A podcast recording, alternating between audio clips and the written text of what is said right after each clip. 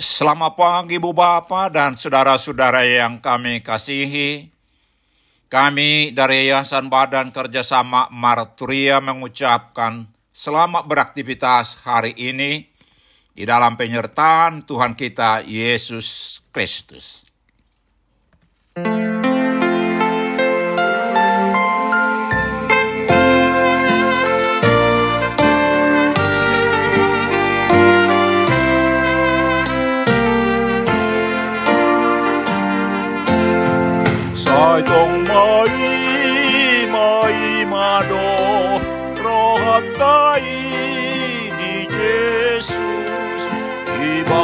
mahalua ono diakanang ginobus rodomus etu hatai mardongan hasa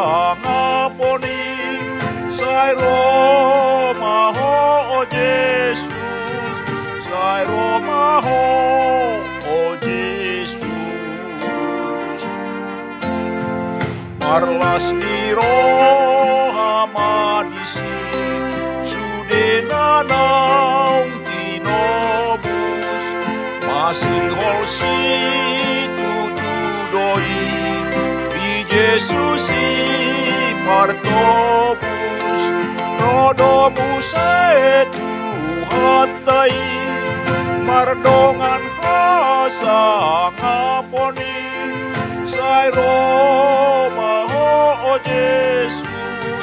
Sai Roma ho o Jesus.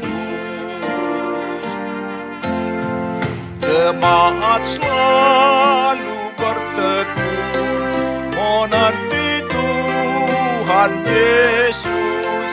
Dia sang Raja penebus Bagi jemaat yang kudus. Tuhan kembali ke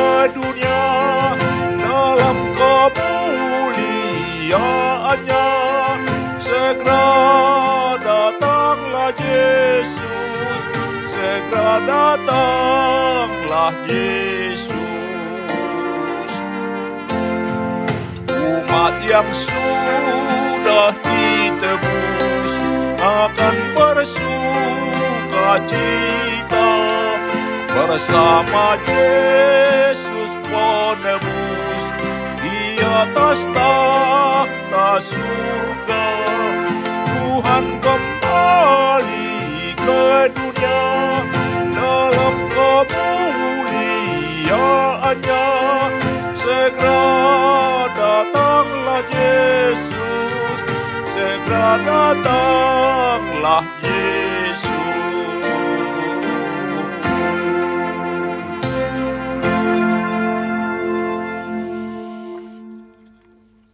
Mari kita berdoa.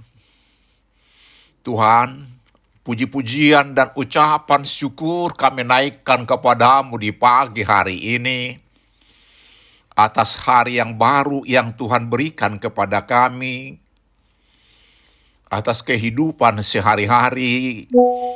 Terlebih atas anugerah hidup kekal yang Tuhan telah anugerahkan kepada kami di dalam Yesus Kristus.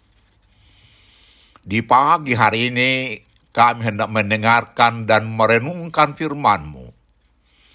Berikan kepada kami hikmat dan pengertian untuk memahami firman-Mu.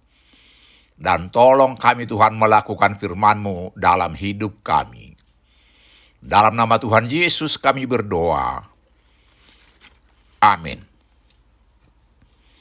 Saudara-saudara yang dikasihi Tuhan Yesus, Firman Tuhan untuk kita renungkan di pagi hari ini terambil dari Yohanes 14 ayat 3 dengan tema Yesus naik ke sorga untuk menyediakan tempat bagi orang percaya. Demikian firman Tuhan.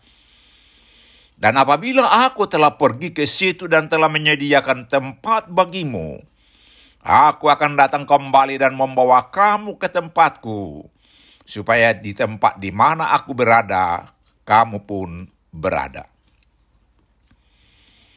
Saudara-saudara yang dikasihi Tuhan Yesus, Karena semua orang telah jatuh ke dalam dosa dan telah kehilangan kemuliaan Allah, maka Yesus diutus Allah Bapa datang ke dunia untuk menyelamatkan orang berdosa.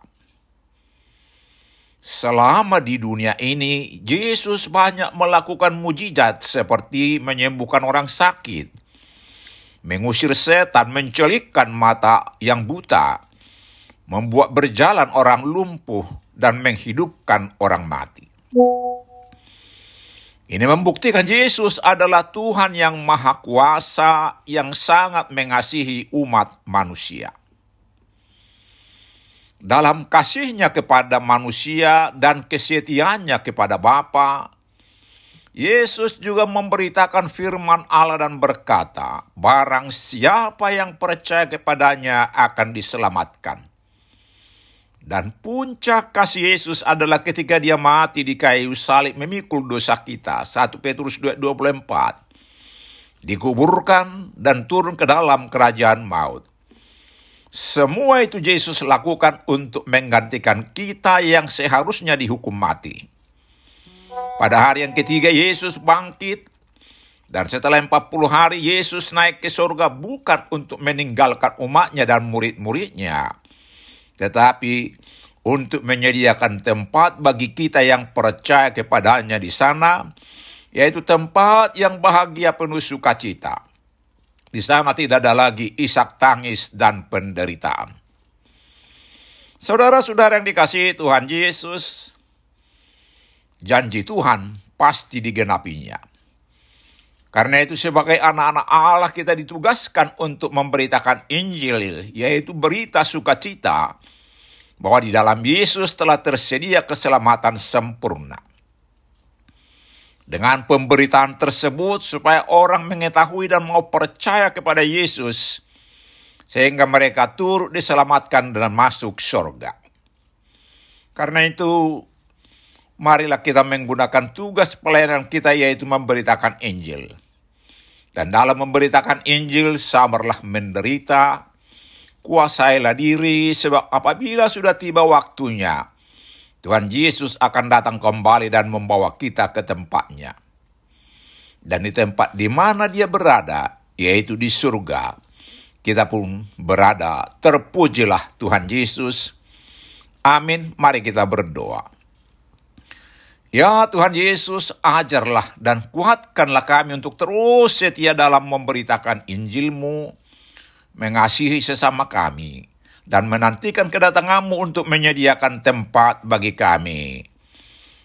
Amin. Selamat beraktivitas hari ini di dalam penyertaan Tuhan kita Yesus Kristus.